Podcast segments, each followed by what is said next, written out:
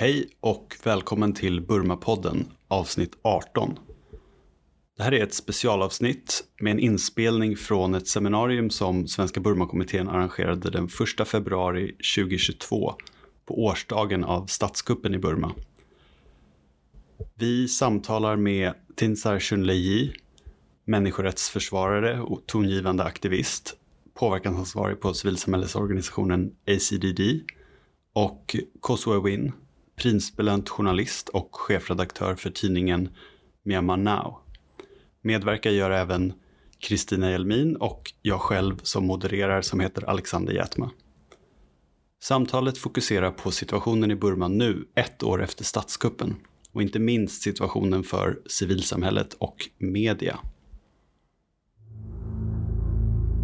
Militärkupp i Myanmar. Aung San Suu Kyi och flera i regeringen har förts bort. Without warning, in the middle of the night, Myanmar's military made its move. Pre-dawn raids, the first confirmation it was seizing power. C'est un coup d'état militaire qu'a connu Members of the Security Council express deep concern. måste respektera rättsstatens Burmese principer. military should relinquish power they have seized and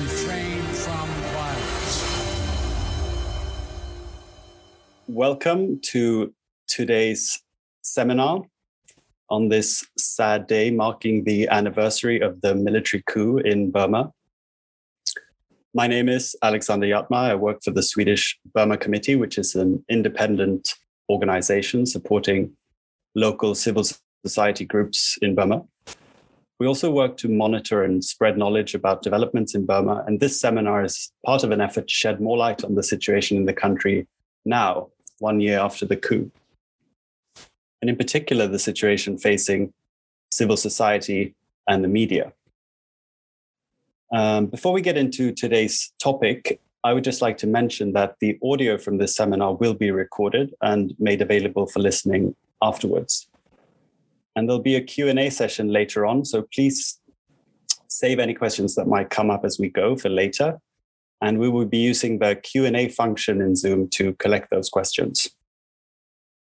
Um, i'm sure many of you in the audience today are familiar with what is happening in burma but i still think it's a good idea to summarize a bit and sort of set the scene for today's discussion so that we're all on the same page.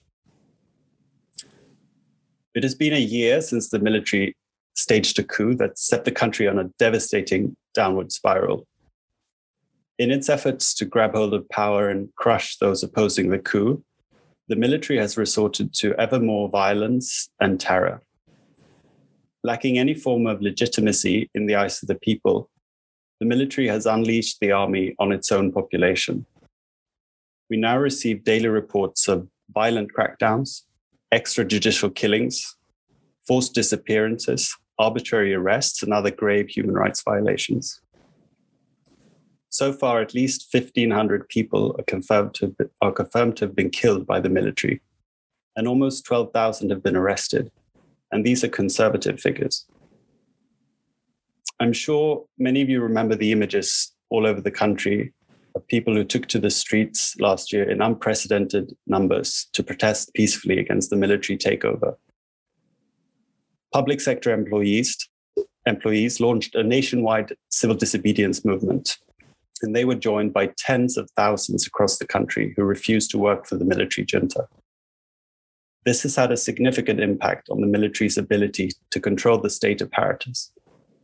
A year has passed since the coup, but the leader of the military, Commander in Chief General Min Aung Hlaing, has failed to consolidate its grip on power. The protest movement and opposition to the military takeover is still strong the military is facing pressure on multiple fronts. The deposed politicians were quick to organize a committee of elected lawmakers who formed a parallel government offering a political alternative to the illegitimate junta, the National Unity Government. The international community has been firm in its refusal to legitimize the junta, including refusing its representative a seat at the United Nations General Assembly. At the same time, many governments have engaged with representatives from the National Unity Government, including Sweden. As a response to the increased violence from the military, newly formed armed resistance groups, so called People's Defense Forces, have taken up arms against the junta. The military has used extreme force against civilians in areas where the resistance has been particularly strong. For example, in Chin and Kayah states. We've seen aerial bombardment and shelling of towns, burning of entire villages, massacres, systematic torture, and other atrocities. More than 400,000 people have been forced to flee their homes since the coup. But the violence is not limited to ethnic minority areas.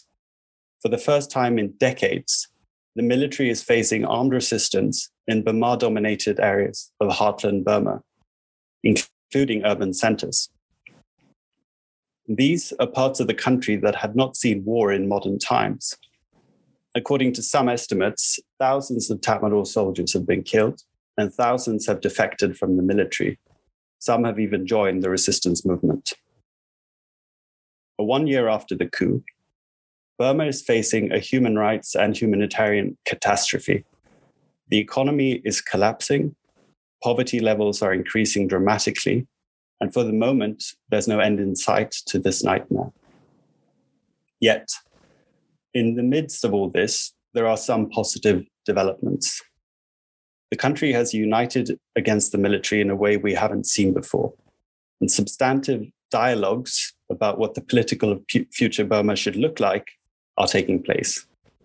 Stakeholders are coming together for the first time in decades to discuss crucial matters such as power sharing and minority rights.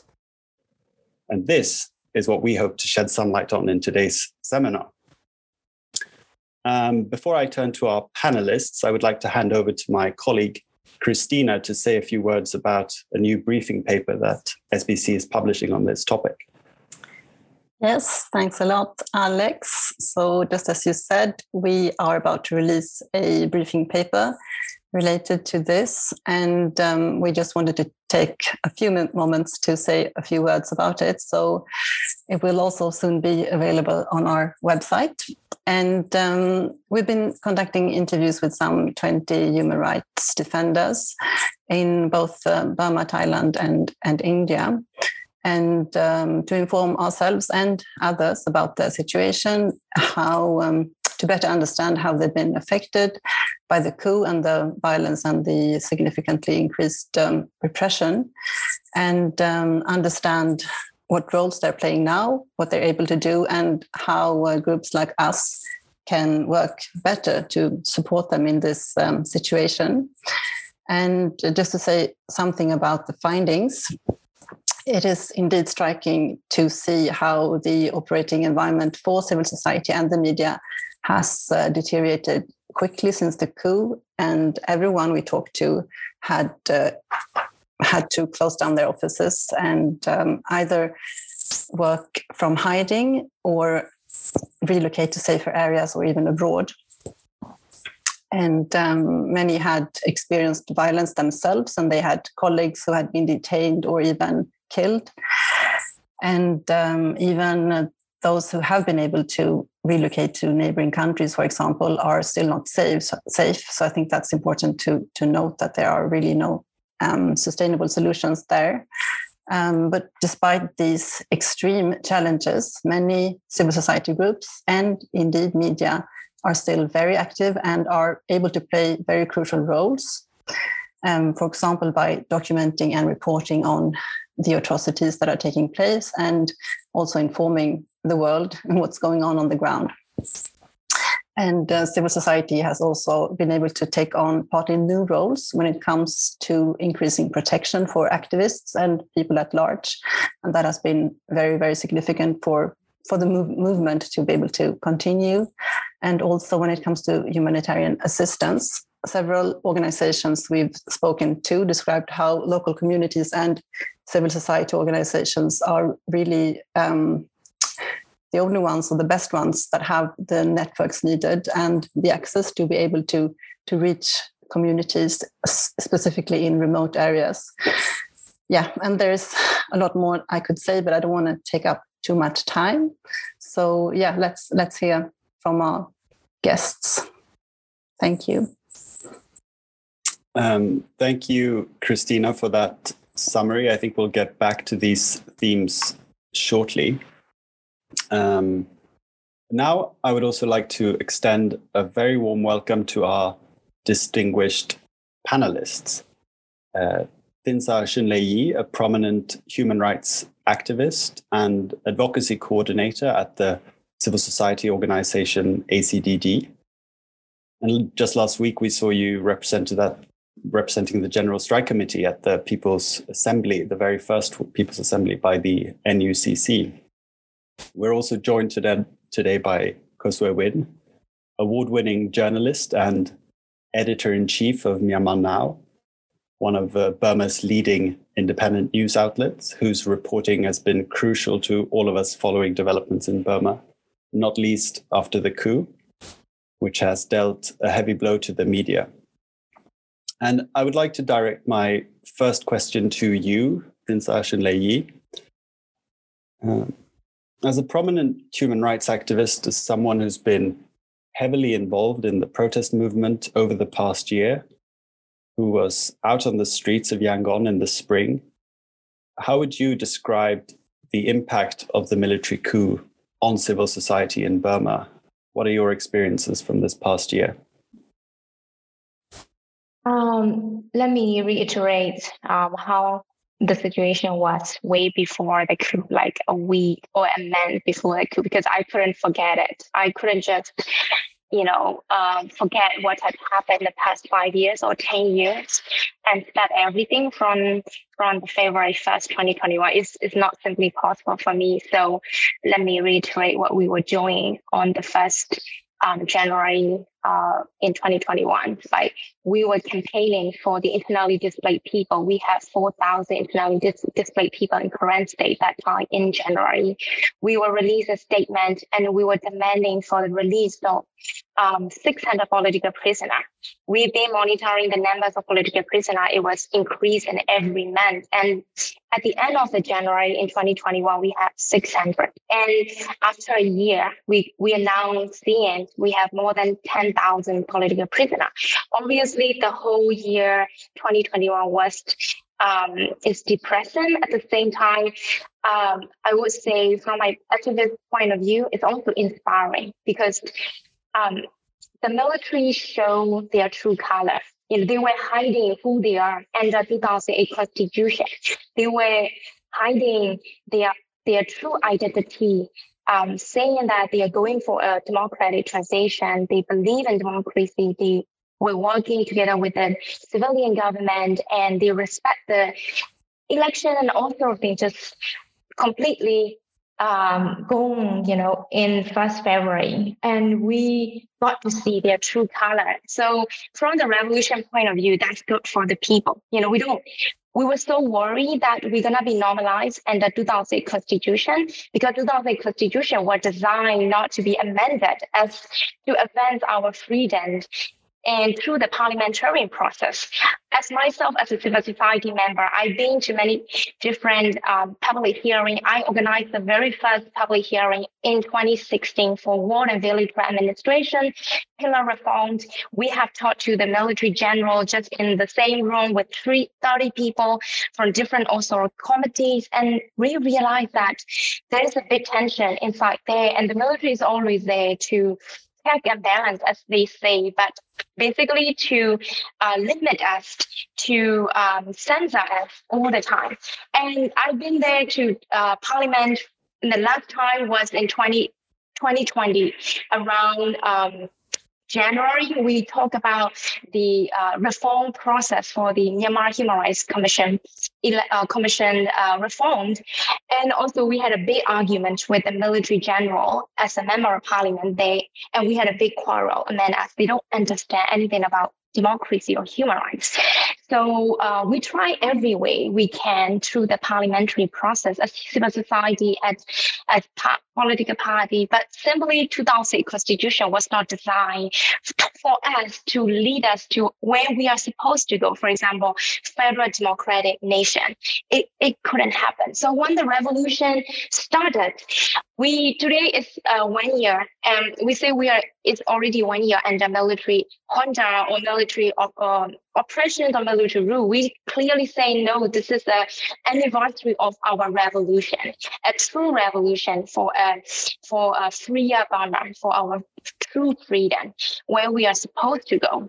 Uh, federal democracy and revolution is the only path that we could go forward to where we are supposed to go. So if I have to recount what we have gone through um, as a civil society in the whole, I could continue the whole day, the whole morning. There's so many things you can imagine. The civil society, the civil space was shrinking and it was killed um, throughout the whole year. But at the same time, um, it was such um, empowering at the same time, like civil society on the gra- in the grassroots level, they've been doing mobilization in their own way for the past 10 years, supported by organizations like SBC and ACDD, for example. We have that uh, community organizing model. We've been working with the grassroots community and we stay operate. Even amid all these um, difficult op- uh, oppression, we stay operate. We may not be visible anymore, but we are stay there together with the people. And we're trying to change our mobilization into a right-based action. It's not just a revolution out of anger or a revenge. It should be more like a right-based, rightful ideology. So the role of civil society is truly essential, crucial at the moment. They may not be visible, but they are stated. So that would be my uh, message that civil society obviously under attack. Um, in terms of different, you know, communication, many transaction, all sort of thing. But the true civil society does not need just many. They need solidarity and they need safe spaces. They need their voices to be heard. They want their voices on the ground to be heard in UN Security Council, UN, you know, also re- resolution that they are going to make to be hard. So this is only demand that society are demanding at the moment. And the last point, this is a picture I used today. Um, the General Strike Committee went on streets. They organized a stand um, strikes. Why they are doing that at the risk of their lives? Why? Because they want to claim their own space, their own freedom by themselves. They rule their own country. We rule our own country. So we don't give the legitimacy to the to the junta by any chance. So this is a clear message from the people of Myanmar and civil society that we don't uh, recognize the military as the government of Myanmar. And this this message still remains the same since the very first day of February 1st. Yeah, thank you. Thanks, Shunlei. Thank you for nuancing this perhaps too bleak picture that I was painting at the beginning of the seminar. Um, and if I ask you, Ko Swe Win, to share some of your experience from the year that from the past year, the newspaper you worked for, Myanmar Now, was one of the first outlets to be media outlets to be banned by the military junta following the coup. Your license was revoked. Police raided your office in Yangon. Yet you have continued to report. And how has that been possible? And what are your reflections about how the media sector has been impacted by the coup? Yeah, like Myanmar's democracy, actually, you all know, after several decades of military rule, uh, the limited uh, press freedom uh, we saw since the political transition in 2010 is now uh, is now wiped out. You know, so first uh, the military uh, started raiding uh, our newsroom and other newsrooms uh, such as Democratic Voice of Burma, Mizima, uh, etc. So they made uh, raids into these new newsrooms. Uh, they, revoke, they revoked the operating license of the news publications, uh, etc. And also they block, you know, they block uh, all our websites. Uh, also, they block the social media, uh, which is often the internet uh, for the um, Myanmar public. So uh, they did they did everything actually uh, to wipe out any kind of independent media activity. You know, once they uh, launched the coup, that, that that's that's what happened. And also physically, uh, they arrested a number of you know dozens of uh, journalists. Some of them are still uh, behind bars actually. You know, so uh, that that's what they did. Two, uh, photographers, as far as I know, actually have been already killed actually. You know, uh, very recently. So some of these things happen actually. Now, Fuzi, uh, you know, hundreds of reporters and journalists into into the border areas and into Israel actually, you know. And also the remaining uh, media personnel are living in fear uh, in hideouts actually, you know. For example, in my case actually, uh, some of our colleagues have lost, have their properties confiscated. Uh, in my case as well, uh, you know, uh, my mother was also forced to leave her house actually, even though she's uh, she has nothing to do actually with what I am doing, you know, all these sort of things. So this has impacted uh, not just our operations, you know, not just the freedom, but also the immediate uh, family member members of ours actually, you know, and then you know, the result actually, you know, the result is the free flow of information has been tremendously damaged actually you know? Uh, the news outlets continue to publish uh, via the social media platforms and websites uh, millions of people trying to access uh, uh, our our sites actually you know? Using VPN etc everything actually you know? So we we we see see actually. But that doesn't necessarily mean that uh, damage has not been uh, done actually, you know, because of the crackdown on the media. A lot of damage actually. You can imagine you have no reporter on the ground, no cameraman on the ground. There is there are there are no uh, credible witnesses we can speak to actually. No official we can uh, we can confirm. You know. Uh, for this story or that story actually, you know, there are no no sources talking to us properly.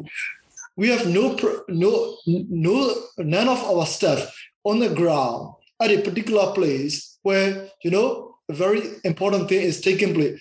All these sort of things actually. So this put us in a very uh, dangerous uh, situation, not physically actually, dangerous for the authenticity, for the credibility of our stories, actually. You know, we are in a situation where we cannot stop reporting, actually. But at the same time, we run the great risk of, you know, uh, uh, uh, carrying uh, incredible story, actually, you know, just by accident, actually, you know, all these sort of things. At the same time, you know, some of the stuff still working inside facing tremendous, you know, uh, security risks actually.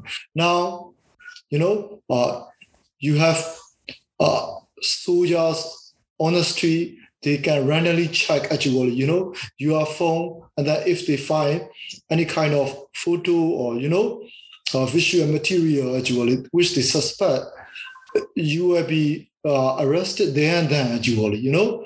Some of the journalists stay inside, they are hoping that they are they are running from one place to another, living in a state of fear actually, you know. I still have a group of uh, journalists actually, you know. Uh, but to be honest, most of them are no longer able to uh, work actually, you know, because of the tremendous amount of fear that they've been uh, subjected to actually, you know.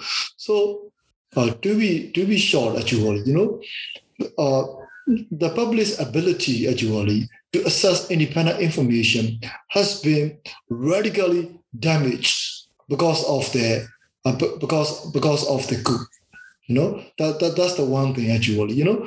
So we live uh, in the dark ages of military rule for four sister decades actually. And then we started enjoying limited uh, press freedom. So there are regular press conferences by political parties, by the military, and by business uh, businesses, etc. We started, you know, uh, uh, challenging authorities and powerful players. We, we are just trying to scratch the surface of, you know, you know, uh, surface of the society actually. Just touching as you trying to analyze how the society you know, has been running actually for so many decades. And that the public has started, you know, started, you know, relying on to some extent on the independent media, started realizing that independent media is one of the important pillars of any viable political system, you know, any sort of democratic system to function. They started understanding, you know, at this stage, you know, the media was wiped out actually. So it's a it's a very sorrowful, sorrowful story. So that's the thing. Yeah. Thank you for for the update. Um, it is a very grim situation for media. If I go back to you, Shunlei, I think you hinted on this revolutionary spirit within civil society and this determination um, how would you like? It's been a year now with this incredible repression and violence that has been devastating, but we still see a very strong resistance movement, not least among civil society, as you were explaining. Um, and people are still refusing to work for the junta. They refuse to pay taxes or electricity bills, sort of boycotting military owned comp- companies, doing everything in their power to resist. Um, how would you describe this determination to keep resisting the junta? And could I ask you to maybe expand a bit on some of the main achievements that you have seen over this past year? I think you hinted on it before, but if you would like to go into a bit more detail. Thank you, Alex. Yes. So I felt I was so confused. And that 2006 constitution back in 10 years ago, people say we had a uh, a window right open for more freedom. And uh, 2008, we had election. People were aware more about democracy, and human rights, and I accepted. But at the same time, the damages uh, that we have witnessed for example, Rohingya crisis in 2017, as well as there are all these different press broken within the pro-democracy forces and many others, you know, continue the continue oppression and the and the plight of the people, ethnic minority people, were largely neglected over the past 10 years. I was charged and convicted because of my because of the protests I led uh, on, on for the for the trap IDPs in the um, in the northern part of Myanmar, and you know I faced fire for more than three years, and there are other different activists uh, talking about civil war in Rakhine State for two years. There was such an intense conflict, and people were neglecting. People didn't even mention, and now in the wake of the coup attempt, um, many more people are joining in and they are so aware of all different layers of oppression already in place. And now we are recognizing and acknowledging the revolution in the past. Since like, for example, 31st January marks 73 years of anniversary of Karen Revolution. So you can imagine how the revolution has been really strong since the very beginning. And now it's being integrated with a wider audience, a wider population in the mainland, the Burmese majority, and the younger generation. So I, I had never seen such thing, like such a mass population when I'm on street demanding for the same thing. In my whole like decades long activism, um, that was such an inspiring that that we still have to kind of raise awareness among the revolutionary forces, making sure everything we do during this revolution are all guided by a rightful ideology. So we are basically talking about three main front lines in this revolution.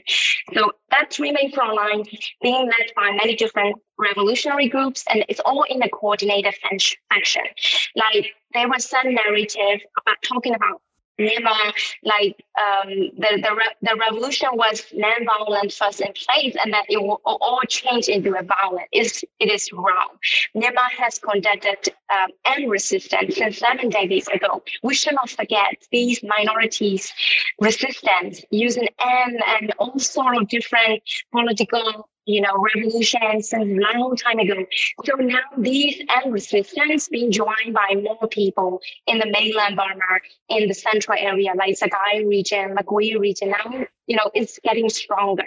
It just only gets stronger. It's already there. And the non-violent resistance is, is still going on.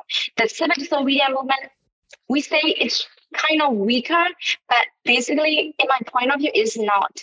The civil disobedience movement led by civilian staff from the military may not, it, it, it is, the number is small, but the numbers of defectors from the, from the military and the police station are growing every day. So we, I work together with the defector soldier, with the Pidu Bandai and People's Goal organizations. I've been interviewing many different defector soldiers. They say there are many more trying to leave the organization, the institution. They don't see the institution as a military anymore. They see it as a facet institution because they've been oppressed inside military for so many years. And now they see they're in a position to oppress their own villager, their own relative. Is the guy in mainland Burma, so they don't want to um, stay there anymore. So that non-violent resistance is still going on. And the strikes like this, it's happening almost every day. Flash strikes, uh, risking their life almost every day uh, for like 15 minutes. And that's happening in Yangon. And this kind of strikes is possible in other different rural areas because the military is just 400,000 people. We are 40 million. We own the bigger territory. So there are many other spaces we can stay organize things and so on. So the non-violent resistance is still ongoing.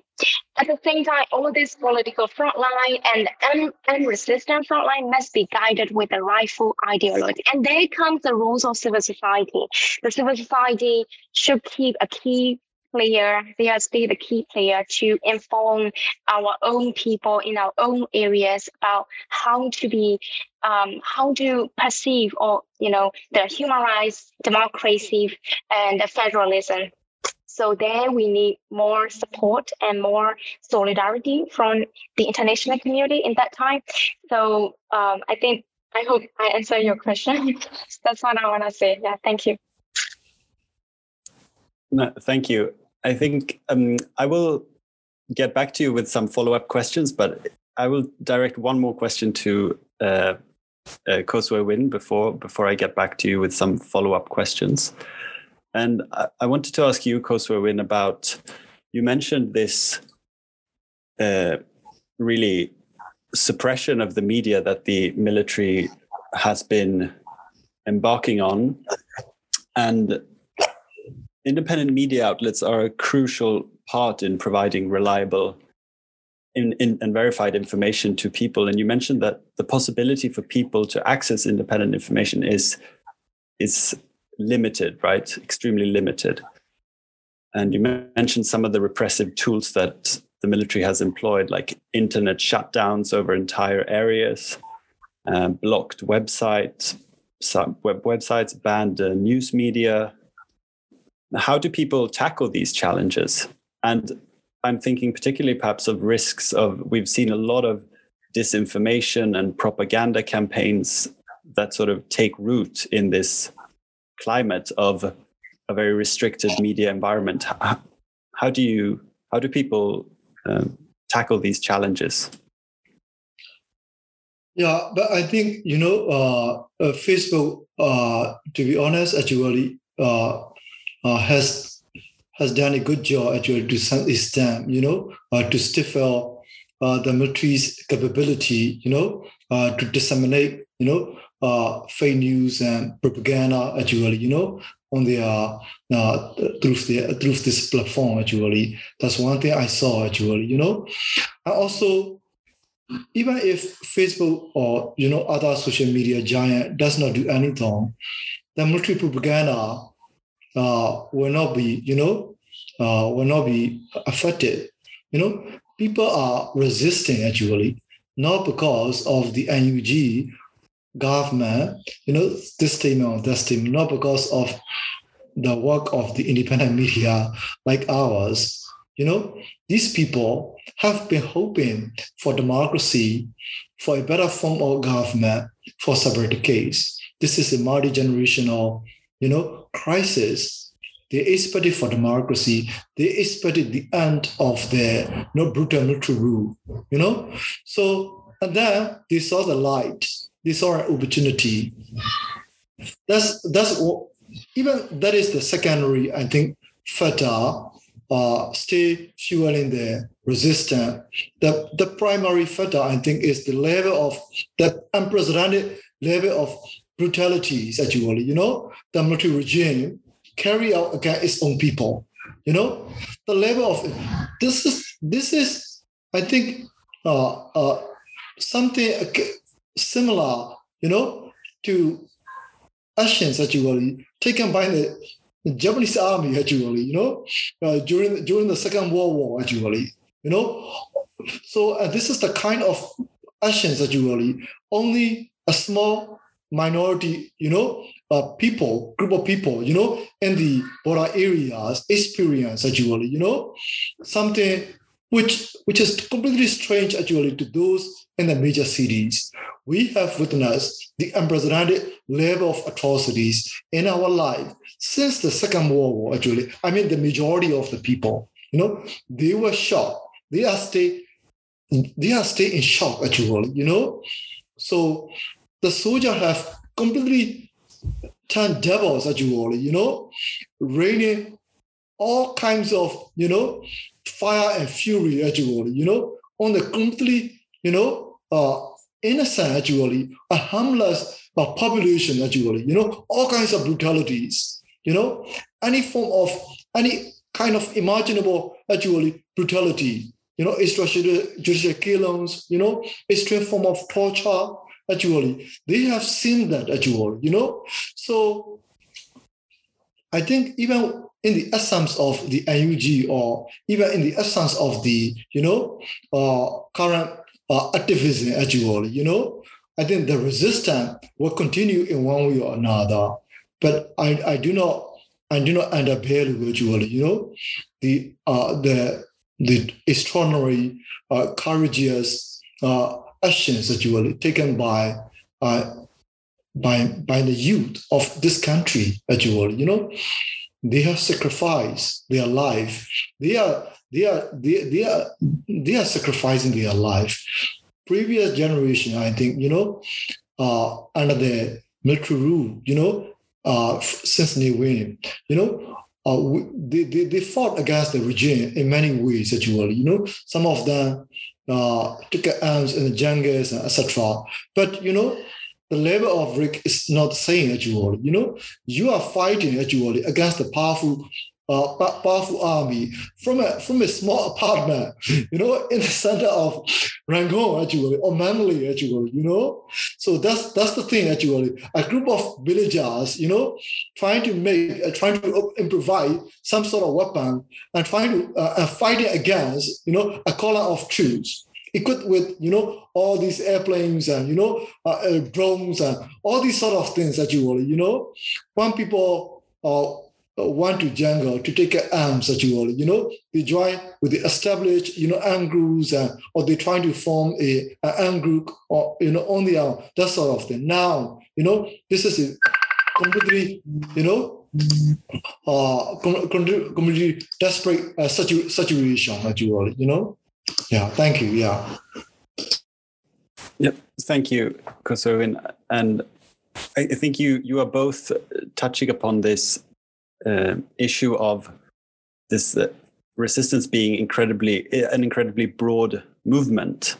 Uh, and this determination i think comes well it shows clearly from from what you're describing where it's coming from. Uh, one question i have for you is about this uh, these sort of formalized channels that have emerged, like we have the CRPH, the NUG, we now have the NUCC, which is a broader coalition starting to form. And so one opportunity that has come out of all this of this crisis is the is this new kind of reborn political dialogue between different groups. Including civil society, ethnic armed organizations, ethnic political parties, and, and other ac- actors and stakeholders. Uh, could you, I mean, why is this so significant? Because it's described as very significant, and it's also described as something that was not happening in the same way during the NLD administration, for example. Would you like to explain that a bit for us? Thank you. So all this development, polyglot development, core like NUG or CRPH or NUCC, was only possible because we abolished 2008 constitution and it was not possible. It took a month, whole month. Like the first statement I raised, like many young younger generation raised, and also General Strike Committee raised on the street was to abolish 2008 constitution. But there were many different arguments around this and so on. And these uh, political platforms were were developed only because we abolished 2008 constitution. And if we keep doing this, there is a, a new alternative for all of us, for everyone, uh, including Rohingya, to be one of the founders and uh, shaping um, a new nation for a new nation. And and all the founding principles that could lead us to where we are supposed to go. I always say 2008 constitution was kind of a, a dress that we can fit in. We were forced to fit in that dress and we were suffocated under that dressed. Now we just take it off and now we are shaping, sewing our own dress for ourselves that could fit for all of us. Um, because in the past many decades, we were working alongside with military, propag- military propaganda. Obviously, they are roadmaps. They were the script writer. We were their actors. We were their player. Now people say no more. People want to have our own roadmap, our own script, where we lead our own part. And the military, in some point, if they agree with the role that we said you have to be, then there is a role for them to play. If not, they are not relevant anymore. They are invalid in this people's fight. So that's the determination, that's the spirit of all these platforms. The People Assembly um, was successfully concluded for three days. Uh, after convening for three days, we have more than 300, um, nearly 400 participants and observers from different um, political stakeholders, including ethnic arms organizations and revolutionary groups, strike committee, and sort of thing. Of course, we had a lot to discuss because these things were like kind of difficult topic that we didn't touch. So it was difficult. It would take time. And there was there is a trust issue. If we say we are okay, everything okay, that's not true we have a lot of challenges, even among ourselves, among the revolutionary forces, a lot to be done. But we just keep on doing that, and we, we just have to um, dialogue more among ourselves. So that was the very first platform led by NUCC, and um, that's, that would convene every six months. And the charter was amended for the second time. It was approved, and we have also reviewed the performance of the national unity government in the past whole year with remarks. Of course, NUG performances were not enough for the people. And they know that and we raise that they need to do better. And also we as a civil society have to do better, go hand in hand against uh, all this propaganda going around us, the ideologies, you know, deeply embedded in our society. It will take time. But um and the and also uh as a conclusion, I would say that a new CC must keep the platform as a coalition and not as one party or one single organization platform. It's like all party, everyone, inclusive platform. It's not yet that. So we are staying as a General Strike Committee, as a member of um, uh, ACDD, as a member of General Strike Committee. We will keep raising this as a main important point. And also we are proposing the NUCC to have a main core policy uh, about the dialogues. You know, it's, it's so easy for different diplomats to say, let's have a dialogue. Let's ask military to have negotiation and we be the mediator for the negotiation amid your crisis. But things are not that clear cut because We have done all the peace conferences using all millions of dollars and how we ended up like this. We have all the experiences we needed. We know how to do it. So at UCC, we have to set a clear policy how to tackle this. What are our basic principle and precondition before we eventually face the military leaders and the junta leader? I wouldn't say it's a negotiation because we don't negotiate with fascist people, the terrorists. We will kind of they're going to be a dialogue uh, amid all these parties, but they're going to be a clear cut policy. So ACDD proposed two main things. If um, we we will allow military to have a space to express themselves when they surrender to the people, and the second thing is when they uh, follow the roadmaps of the people, allow the federal democratic principle, then they're gonna play a role. But all the perpetrator will be held accountable. So these are clear policy from ACDD, and we've been proposing to this to all the generals, all the strike committee at the moment. Thank you. Thank you. It's it's very inspiring to hear about this determination and this sort of a fresh start that these dialogues mean to the political climate in, in Burma. I'm I want to just remind our audience that if you have any questions, if there's anything that comes to mind when you are listening to this discussion, please uh, feel free to ask questions using the Q and A uh, function in in Zoom. I will and I will uh, collect those questions and we'll address them shortly. But before that, I would like to ask another question to our to our panelists, and this is really directed to both of you.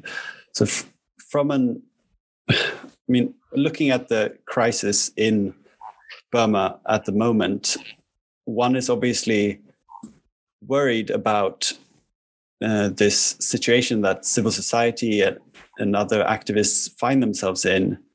Like Ko Swe Win, you mentioned that you're fighting an army from from an apartment in Mandalay, and the obvious question then is how sustainable is this situation? How is it how are people able to continue given all the repression and violence? Uh, I mean, what can the international community do to support this struggle? This is sort of my question to both of you. I don't know who wants to, if anyone wants to go first. Yeah, first, you know, uh, uh, the resistance is, you know, n- not just an organized resistance uh, by the uh, national unity government, with, you know, led by some of the uh, elected uh, members of parliament. So this is a, I would say, this is a very organic, you know, resistance movement, actually. You will, you know, I mean, there are a number of what we call a look at PDF group, look at people to find, you know, militia groups, I would say, actually, you will, you know, they are taking arms, actually, you will, you know, they, they, they may not have any sort of formal relationship uh, with the with the EU or ethnic group or you know with the uh, national unity government. So there are a number of you know there are a model a great number of you know these PDF groups. You know some may be just uh, a few people actually. You know like twenty people, thirty people, um, a few dozens or even hundreds uh, in the villages. You know etc. Actually, so I mean you know. Uh, this is that's why it's more difficult actually you know for the military to wipe out you know the the fl- you know the flow of you know arms or you know resources actually because these uh, unresist, unresistant is homegrown actually you know homegrown. Homegrown means uh, actually you know uh, they are originating directly from the public hatred you know, animosity against the uh, against the regime, as you will, you know. So uh, the military, when you uh, when you are on, as you will, you know, cannot actually uh, uh, stabilize actually, you know, its control actually. You cannot get any sort of grip actually, you know, on the uh, on the grassroots administration actually. You know, this is this is the situation. So I think you know, uh, no. So as long as actually uh, the military cannot bring the country actually. Back to some sort of actually normalcy actually you know? Let's say actually they don't return the power. They don't make any uh, uh, political conception actually to the opposition or to the PDF, it can still they can still bring the country to some sort of actually some semblance of normalcy by releasing uh, top political leaders, by re- releasing let's say all the political detainees actually, you know, by declaring amnesty actually, you know, for everyone actually, you know, on the on the run actually, you know, that sort of thing actually, you know, um, by letting uh, some of the, you know, uh, some of the political leaders will now under custody talk, you know, uh, sham negotiation, I would say, will, you know, or uh, talk with, with, with the uh, international or ASEAN leaders, actually, Min Aung Hlaing reaching out, you know, for, you know, for some sort of, you know, for sure, actually, you know, talks, actually, you know, with this political leader, Min Aung Hlaing can still do a number of things actually, you know, to diffuse the tension. You know, Min Aung Hlaing is not doing any of these things actually, you know. Min Aung Hlaing actually, you know, this is not a this is this is not the kind of actually, you know, um, uh, military ruler actually uh, we re- usually see actually, you know. He has taken extreme measures actually, you know. There is a lot of anger a lot of blood has been spilled out actually you know there are many things Min Aung Hlaing can do to diffuse the tension you know so i think uh, the public animosity is so so huge actually you know? It's still rolling on actually so that will fuel. That is the primary primary factor behind the resistance you know behind the resistance which is i i, I say organic homegrown actually, you know, in most cases not receiving any kind of support, you know, from from uh, from the established and organization or from the NUG actually, you know. So as long as that instability, as long as uh, as long as that outrage, you know, uh, uh, uh cannot be stopped or cannot be, you know, uh, eased in some way or another, we will still continue to see actually, you know, uh, the resistance. Uh, uh, uh, we will still continue to resistance in one way or another. But that resistance will, you know, can be severely undermined, actually, can be severely undermined. At this stage, if Min Aung Hlaing started doing, you know, shallow political concessions by means of, you know, having talks with Aung San Suu Kyi, for example, actually, you know, or other political leaders by releasing, you know, all the political detainees, etc., and also by making some dramatic political concessions to the uh, KI, uh, Independence Army or Karen National Union or to the Arakan Army, all these, you know, uh, angles actually, you know, which are which are which have been providing uh, directly or indirectly support and protection actually, you know, to the PDF actually, you know. If we reach that point, the resistance can be severely undermined, but that can uh, that can still roll on to some extent actually in the foreseeable future. But that would be hugely undermined actually, you know, uh, if we see is those scenarios in the future. Um, Swe Win, I um, I have a one question from the audience, and that is, it's touching upon what we briefly discussed. That is, what advice do you have for donors wishing to support the democracy movement?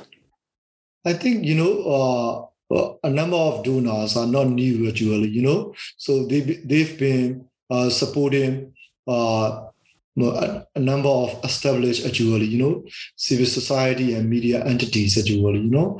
So I think uh, they should continue or even they should even, you know, increase their support, you know, uh, to these organizations. I think, but then that should be systematic actually, you know, because most of the most of the funding are, as far as I know, very chaotic and very at all actually, you know. So uh, that, would that, that you know.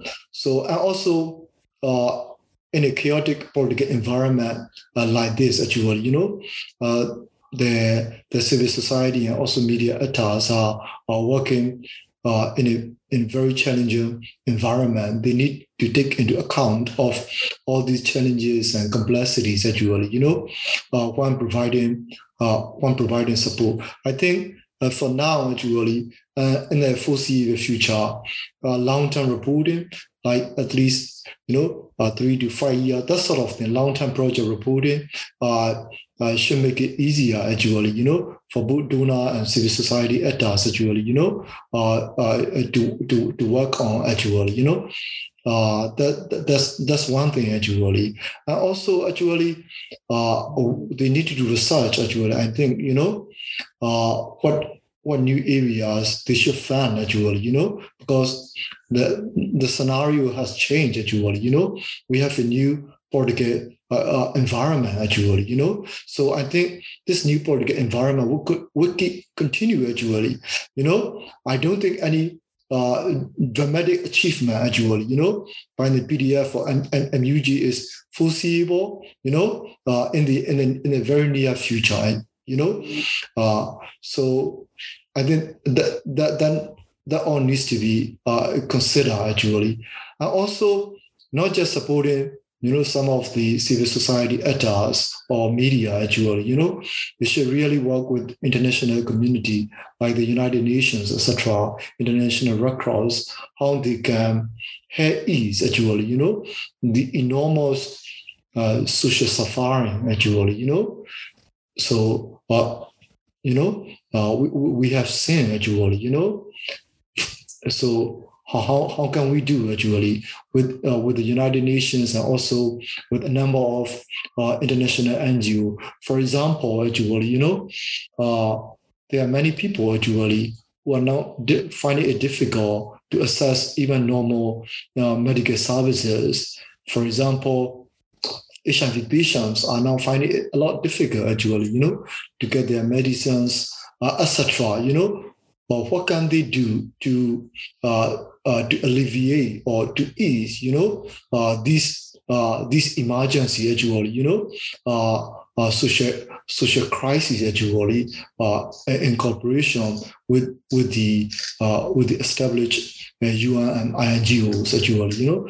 Uh, they, they also need to uh, think about actually uh, we, we, we, we cannot just actually you know uh, uh, uh, completely shut down you know uh, uh, all kinds of channel support actually directly going to, to members of the public actually you know so uh, that, that, that that's my actually you know uh, that's my suggestion thanks Swe Win. Um, so if the audience if you have any further questions please please uh, do type them and we will address them as they come in we have I saw one question. Let me just find it again in the chat box. How can or is actions from religious leaders and communities play a part in support of the resistance? Uh, can I answer that question, uh, Alice? Yes, please go ahead. Yeah, yeah. You know, uh, people people are overwhelmed actually. You know, with a lot of stress and anger, actually, you know.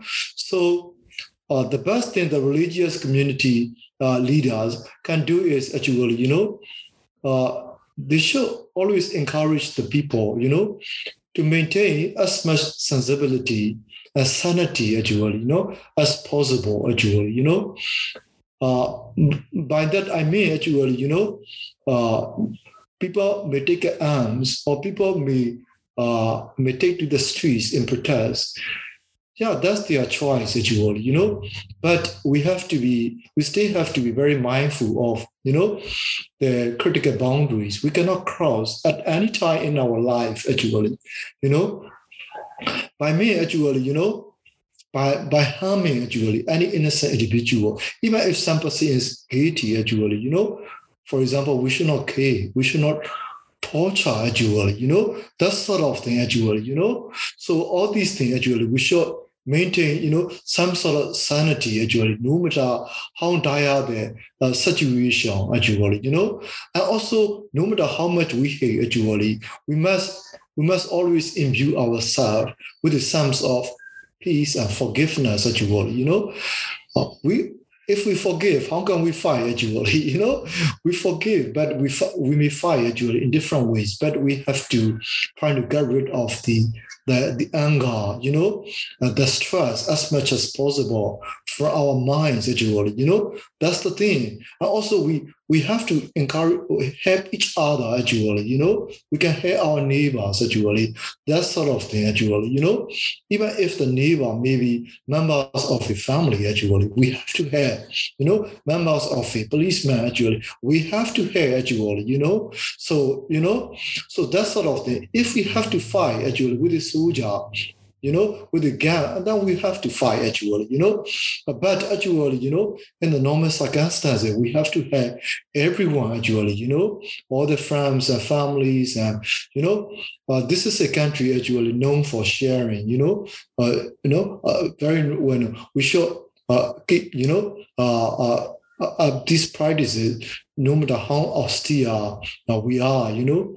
So that sort of thing actually. And also, uh, there were times actually when people hated each other uh, because of their religious differences. This is the time actually, you know, uh, for the for the end of you know these religious differences and to forgive, you know, and to hear each other actually now I think you know a lot of people are are happy actually. You know, um, uh, members of different religious communities actually. You know, uh, we don't we, we start seeing you know uh, uh any you know uh, any uh, any kind of actually you know serious attack actually you know against the Muslims or or Rohingya actually, you know, these days after the coup, that's a very good sign actually, you know.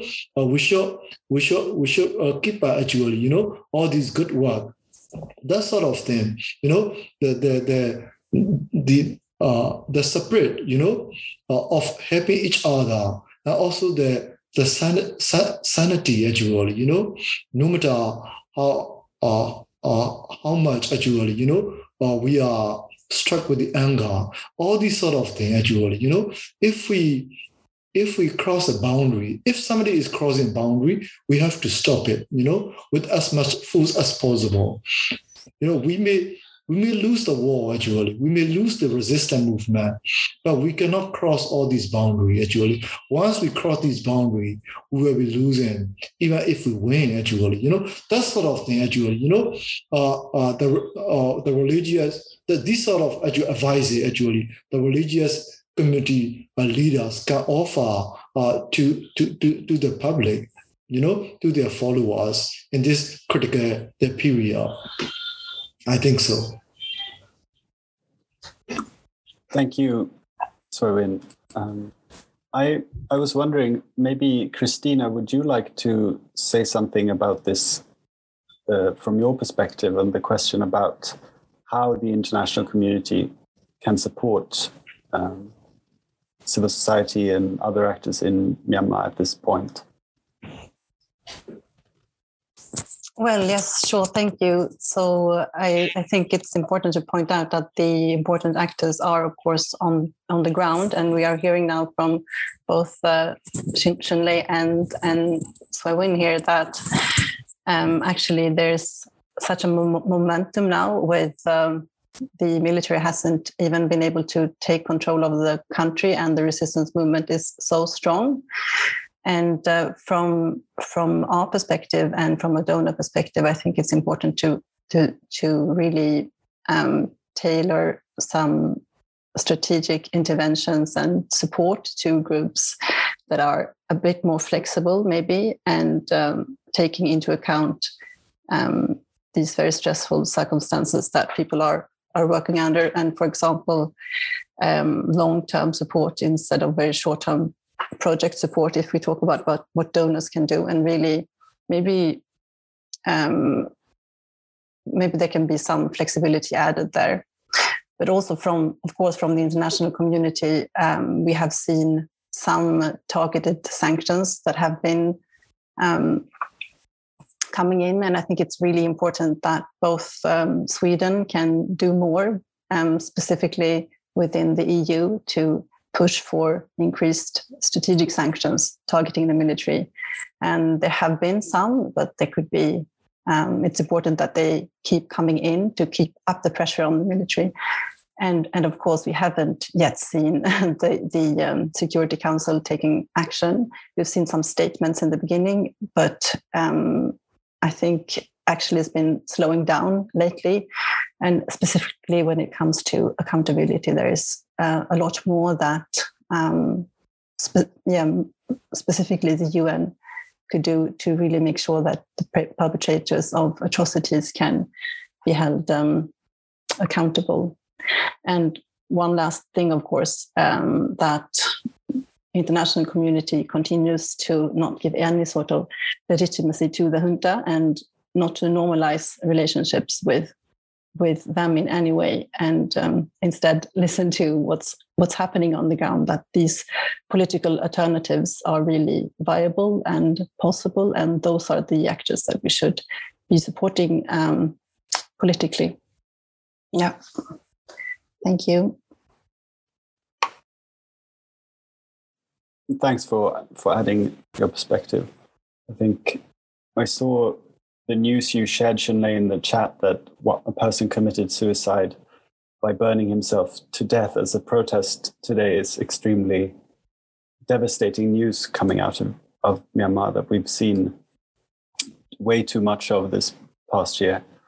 Would you also like to comment a bit on how the international community can support the democratic struggle in Burma at this time? Thank you, Alice. Yes, I was extremely overwhelmed by the news coming in just now that a person committed suicide and he was having that short note about the people having 24 hour electricity and reminding me of all the privileges that we are enjoying, you know. And he clearly said, we don't want to go back to 2001 and 2002. Obviously, that was an old normal. And with the COVID pandemic, everybody having difficult times, different countries, obviously, and we're talking about new normal. I think there's gonna be a new normal with all the sad news coming in, not just in this coup and the resistance, but also in the past five years, 10 years, we had part of a lot of different devastating news, but we also have very inspiring, encouraging news coming from Myanmar. People still resist to fight. So let's also talk about the power of the people and the and the the eagerness of the people to still want to keep the power with themselves. So let's be careful with our narrative when we put around the anniversary of the coup. We say we are under military rule or the military, you know, dictatorship. And let's talk about the, the revolution. We we mark an anniversary of people resistance, people resilience. Let's celebrate this kind of um, solidarity among ourselves. And also, uh, we are being really careful with the narratives. So the first ask I would ask to all the international media and the donors and all international government is the narrative are really important. We keep the power with ourselves. For example, NUG is not a shadow government, it's not parallel government, it's the only legitimate government of Myanmar that we recognize.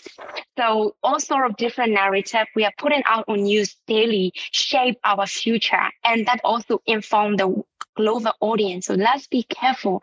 Let's listen to the people's inside country like that that person he was burning himself to death you know, it, it was I also thought of what is what would be the main motive for this action because I used to have that kind of thoughts back in March, April, around that time. So I even commit trying to think of a suicide as a way to draw attention because we are really sick of um, different diplomats and different people treating military as the legitimate ruler of the nation, all sort of things. And we want to draw attention that this is not, we are now resisting, even with our own life, we are begging you to understand. We don't want to recognize or legitimize the junta as our ruler. So there was a very main message from the very beginning to the end of it. So um, I think uh, the international community first not legitimized in any way um, support the civil society as they are as they operate on the ground. They have many different alternatives how to support them. If you don't know, you can ask to SPC, you can ask to other different civil society organizations who are still operating without even um, dealing with the military. Because if we deal with the military, we are we are our security being compromised. So we can't deal with the military or any the organization they're affiliating with them. So if we really want to have an aesthetic humanitarian aid, so you know, support to the peoples of Myanmar, listen to the peoples of Myanmar, civil society, work together with them. So that would be my main message. Thank you so much. Thank you for the, that powerful message. Um, I, we have one. We have time for one final question from the audience. Um, this question is: How should neighboring countries act, for example, Bangladesh and Thailand, in order for the Rohingya refugees and other refugees to be able to return. We've also seen ASEAN taking in, trying to take some sort of role in this situation. Does anyone want to comment on this question? How neighboring countries can act? Swe Win? I am not an expert on the Rohingya, but I think I can imagine who wants to return to Myanmar actually, you know. So uh, I don't think any, uh, you know, Rohingya, uh, you know, will feel happy actually, you know, uh, to return to their native land actually, you know, where they used to have their houses and cut and you know, petty fees and everything actually. They they still definitely, you know, uh, uh, want to go back actually. But in this in this kind of situation actually, you know, where there there is any sort of guarantee, you know, and not not not not a not not you know any sort of commitment uh, made by the junta would not be enough actually. You know, you need a system change actually. You know, the kind of system actually. You know, only uh, only only a new political system actually. You know, uh, would and will be enough to convince actually, you will you know, uh, the Rohingyas actually to return back home, actually, to return home actually, you know. So I don't know actually, you know, uh, uh how, how, how we, we how that can play out actually. Okay, uh, Shunlei, would you like to comment on this question about the neighboring countries? This picture I put as a background is basically from Myawaddy side and the Mae Sot. So people are trying to cross. And when they cross, they were placed in a cattle cattle fan study place. And the Thai authority didn't allow them to come into Mae Sot municipal areas, worry about the COVID, worry about all sorts of different things. They worry about PDF and all, all different. And international NGO couldn't even get access to these thousands and thousands of internally displaced people. Um, so it goes the same, I think, to the international community when we talk about the neighboring country. They are not doing enough. Uh, when we talk about India, for example, as a world's largest democracy country, they are the only country that we share the border that has a democracy as a democratic government. But they they are legitimizing the junta. They are inviting junta representatives in this March 30, um, they're going to be a BIMSTEC summit with the South Asian country, and they have already invited junta leader to join them as the leader of the nation. That's totally intolerable for people fighting on the ground. We need to put pressure, not just on ASEAN. ASEAN is doing like they already receive enough pressure that we are losing sight of South Asian country who are not doing anything. They're doing the least. They don't care about our neighbor, uh, our IDPs in areas, um, border areas. Let's talk about South Asian country. Let's let's uh, trying to as Sweden government and all the European government to talk to Indian government what they are doing right right now at the moment, how they are trading you know, or importing arms to the Myanmar military. So I think that would be my final ask to them. Uh, obviously, um, I think as myself when I talk as to myself, I want to go home obviously I want to go home. This is my home and my country. I own this country. I want to go back immediately. But as long as the military is there, as long as the violence persists, I can go home. So let's put all pressure on the military to end all forms of violences and to back down, to surrender to the people and follow our people's roadmap um, coming out from the People Assembly, from all different revolutionary forces. We are drafting our own roadmaps. The military just have to listen to the people's voices. That's very clear. Um, and there is no confusion. The military is not, we're not political stakeholder. They are not political stakeholder. They are the cause of every problem and they are the perpetrator and criminal. We need to hold them accountable. That's the main message for me. Thank you. Thank you, Shunlei. And with that, we've actually come to the end of this seminar. So I would like to thank all of the panelists who joined us today for taking your time to join us. And also, I would like to thank the audience for tuning in. And please keep in touch with SBC to find out about more upcoming seminars or activities. And do keep a lookout for this civil society briefer that's coming out soon on this topic. So, with that, we conclude today's seminar. But thank you so much to everyone who joined today.